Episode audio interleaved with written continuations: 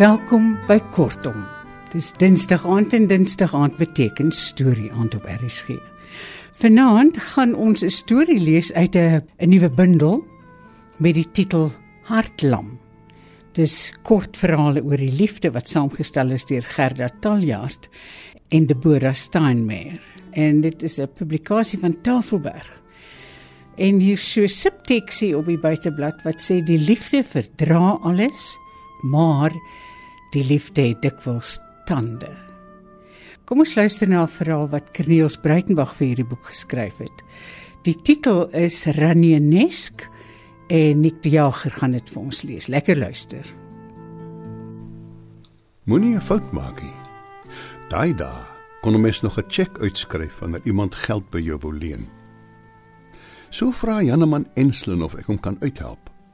Uh, sal 'n cheque in orde wees, bied ek aan. Eenvoudig soos dit.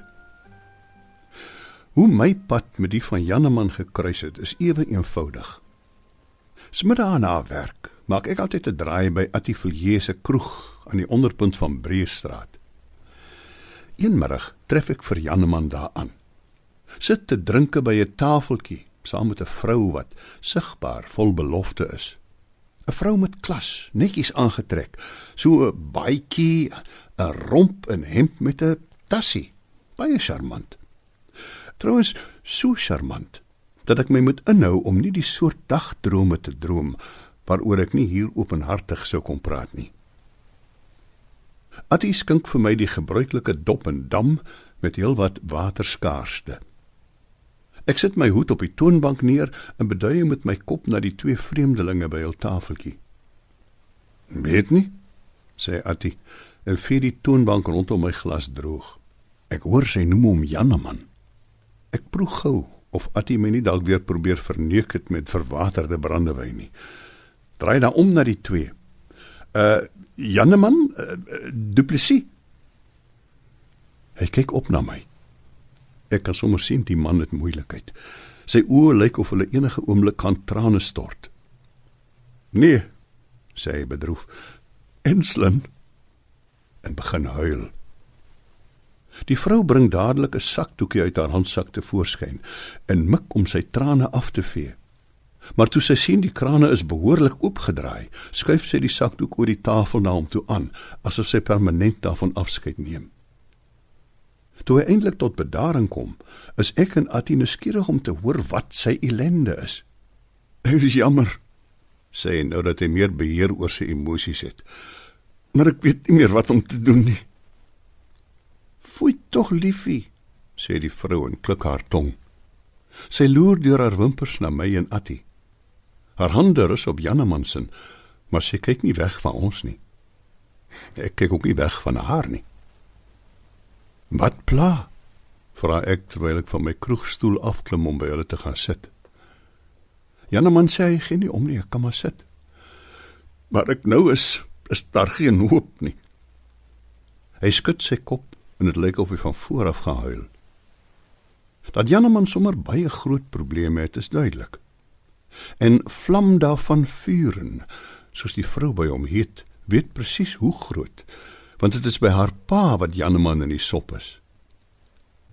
Vlamda se pa het nooit van Janneman gehou nie. Al is Janneman 'n talentvolle jong sakeman. Hy het nie vir haar 'n diamantring gegee met hulle verloving nie wat hom verdag maak in die pa se oë Boonop is Janeman al gesien in Franna Daniel se geselskap, 'n sakeman van Plumstead met uitgebreide belange in verskeie Kaapse dansklubs en so aan, veral waar dit met die drankhandel te doen het. Ek en Attie vra nie uit oor Vlamda se pa nie. Almal ken vir Mike van Vuren, die vreeslose miljonêr wat al op 'n keer vir Franna Daniels hof toe gesleep het en die saak gewen het. Dis amper asof dad van Janneman verwag het om lobola te betaal. Verduidelik Vlamda met 'n bewende onderlippie. Ek het vir hom gesê Janneman werk aan 'n paar projekte wat nog in die toekoms loonend sal wees, maar hy het net gelag. Ja, ah, sê Attie. Janneman het so 'n skoon gesig. Dalk is jou pa onbillik. Weer skink hy vir my 'n dop en dam met meer dop as dam. Vlamda kyk in my oë en ek kyk in hare. sien sy my raak? Dit lyk asof sy self hoog sal insit wanneer dit by huil kom, wat vermoedelik baie binnekort is, indien nie gouer nie. Vanoggend het Dad gesê hy het 'n privaat speurder gehuur om Janeman dop te hou en dat die speurder uitgevind het Janeman het nie 'n kantoor nie. Wat maak dit nou saak? Dad sê dit laat al die rooi liggies flits. En flits hulle. Janeman ruk hom op. Natuurlik nie. Ek is nie 'n dief nie. Ek is 'n sakeman met rou potensiaal.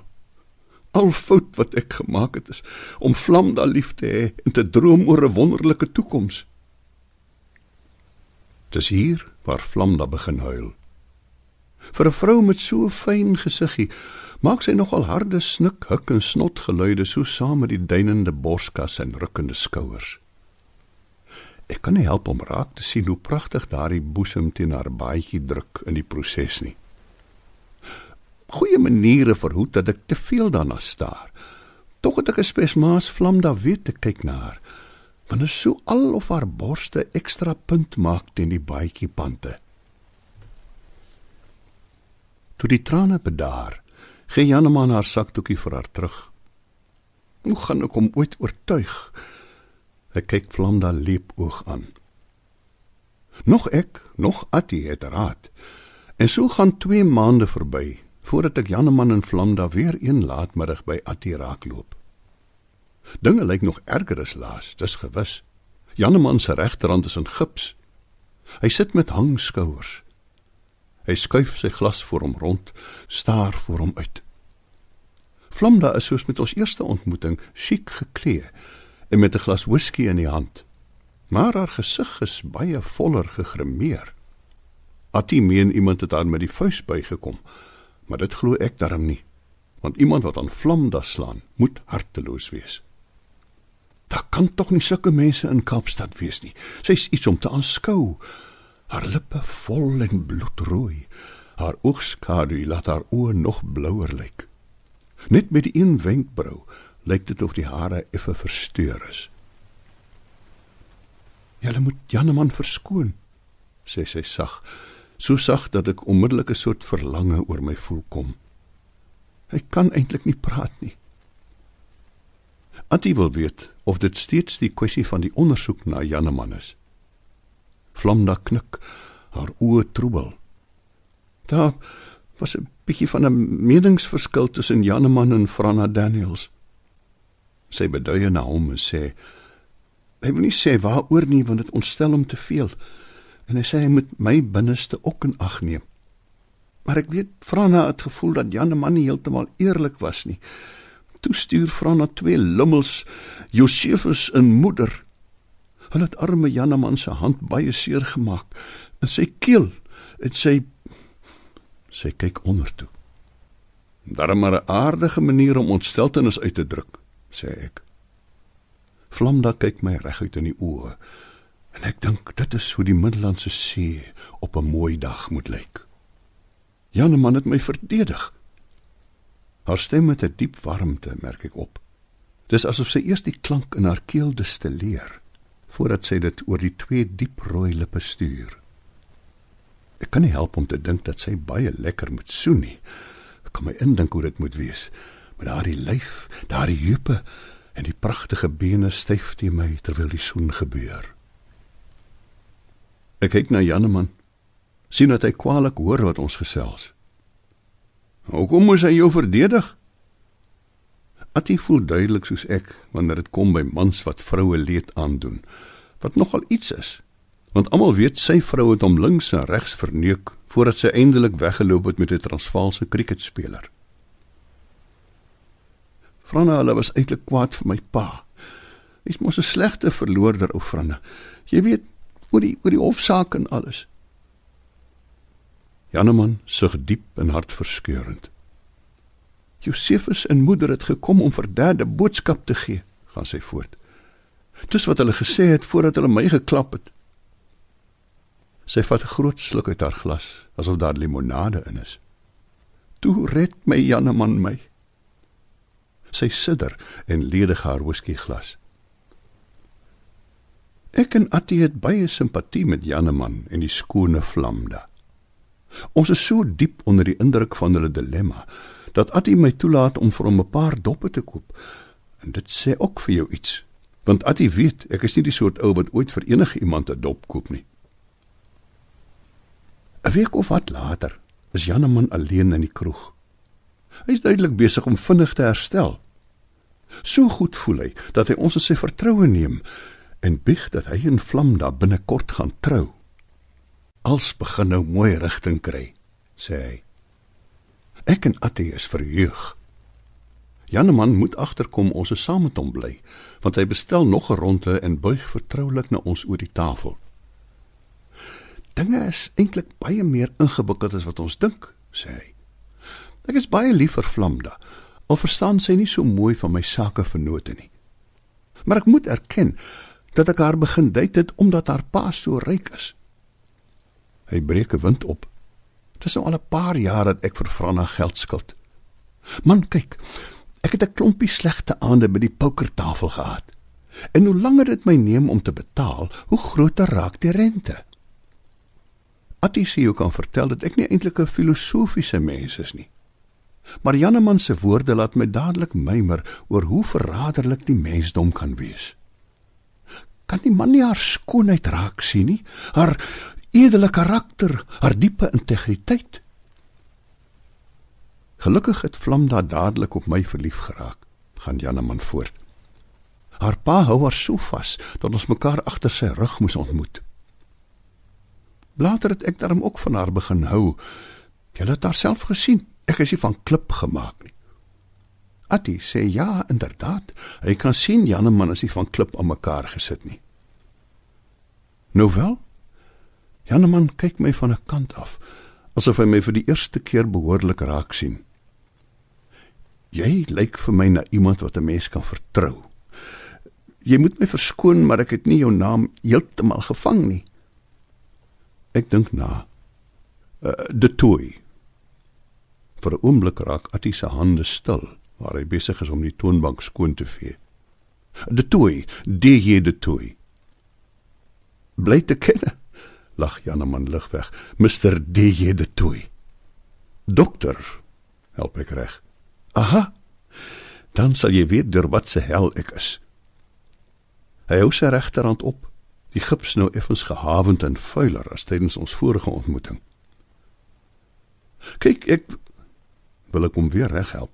Maar Janeman lig net sy hand en praat verder. En wat hy praat, sal ek en Attie nie gou vergeet nie. Nou, as ek 'n klein lening by jou kan maak, dok. Uh, nie te groot nie dat ek Franna kan betaal. En natuurlik om daarna 'n eerbare vrou van Vlamda te maak. 'n Lening. Ja. Sal 'n cheque in orde wees? 5000 rand. Eh, nie pond nie, rand. Ek weet dit is twee groot karre se prys, maar ek wil nie Vlamda se hart breek nie. Met die vrae of ons hom gou kan verskoon, want die natuur roep. Hy skwaallik weg of wat hy draai na my. Dokter D hier de toe. Waar kry jy dit? Die lewe is te kort om nie jou kansse te benut nie. Ou Attie moet net verstaan. Ek kan nie nou verduidelik nie. Toe Janeman terugkeer, wag ek tot hy sit voordat ek na hom draai. Janeman, sê ek hartlik. Mens kry so min die kans om jou hand na jou medemens in ellende uit te reik. Mense wat in die soort nood verkeer waarin jy nou is.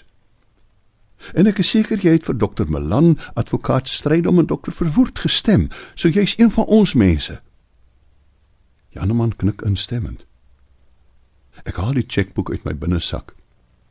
Janeman Enslin sê ek terwyl ek om die begunstigde maak. R5000 alleen. Ek skeur die cheque nog nie uit nie. Hoe gaan jy terugbetaal? Mens moet die formaliteite regkry. Ek stel nie eintlik belang in die details nie en luister met 'n halwe oor terwyl hy sy beloftes maak. Jy is my getuie, Attie, sluit Janeman af. Attie haal sy skouers op. Ek skeur die cheque uit en oorhandig dit aan Janeman en daarmee is hy by die deur uit. Natuurlik wonder ek en Attie toe weke lank hoe dit verder verloop en of Janneman die ring aan die skone vlam daar se vinger gesit het. Maar ons hoor niks. In hierdie dae is ek egter baie besig en nou nie eintlik tred met wat in ons stad aan die gang is nie. Dan in die herfs van die volgende jaar sit ek by Attie en kry iets om die skraalheid van die april luggie te verdryf.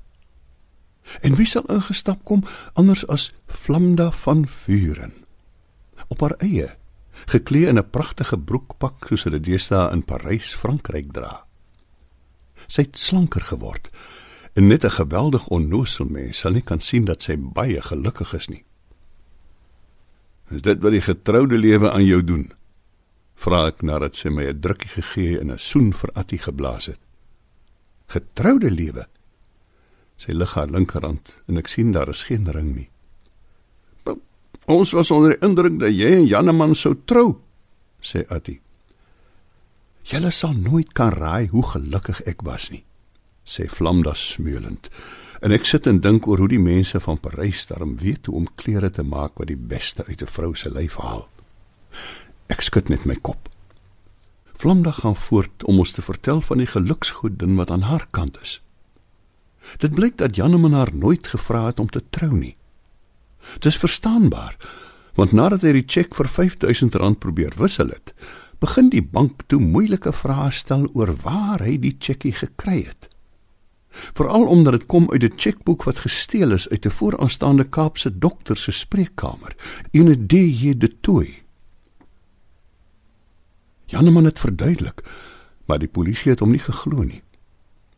Toe kom hulle boonop agter dat Janneman in ander stede gesoek word vir allerlei liderlike dinge wat hy aangevang het en waaroor Vlam dan nie eens wil praat nie, so erg is dit. En om te dink sy het amper haar hart aan die skirminkel gegee. "Is voorwaar baie gelukkig," sê ek. "Ek wonder of ek jou foonnommer kan kry." O, die gloed van haar glimlag. Sy krap in haar handsak, pluk 'n papiertjie uit en skryf dit neer stoot die kosbare inligting oor die toonbank na my met 'n guitige laggie. En daarmee huppel sy weer by Attie se emporium uit. Attie kyk na my. Sy een wenkbrau gelig. "Jy verlief?" vra hy. En dan fronsend, "Waar kom jy aan daai dokter se chequeboek?" 'n Mens hoef nie alles te weet nie, antwoord ek.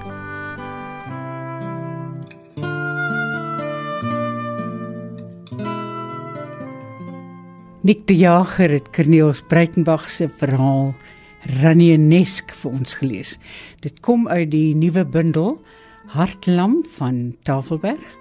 Kortverhale oor die liefde, saamgestel deur Gerda Taljaard en Deborah Steinmeier. Van my maak jou luid alles van die aller aller allerbeste tot volgende keer. Mag dit met ons almal goed gaan. Totsiens. thank you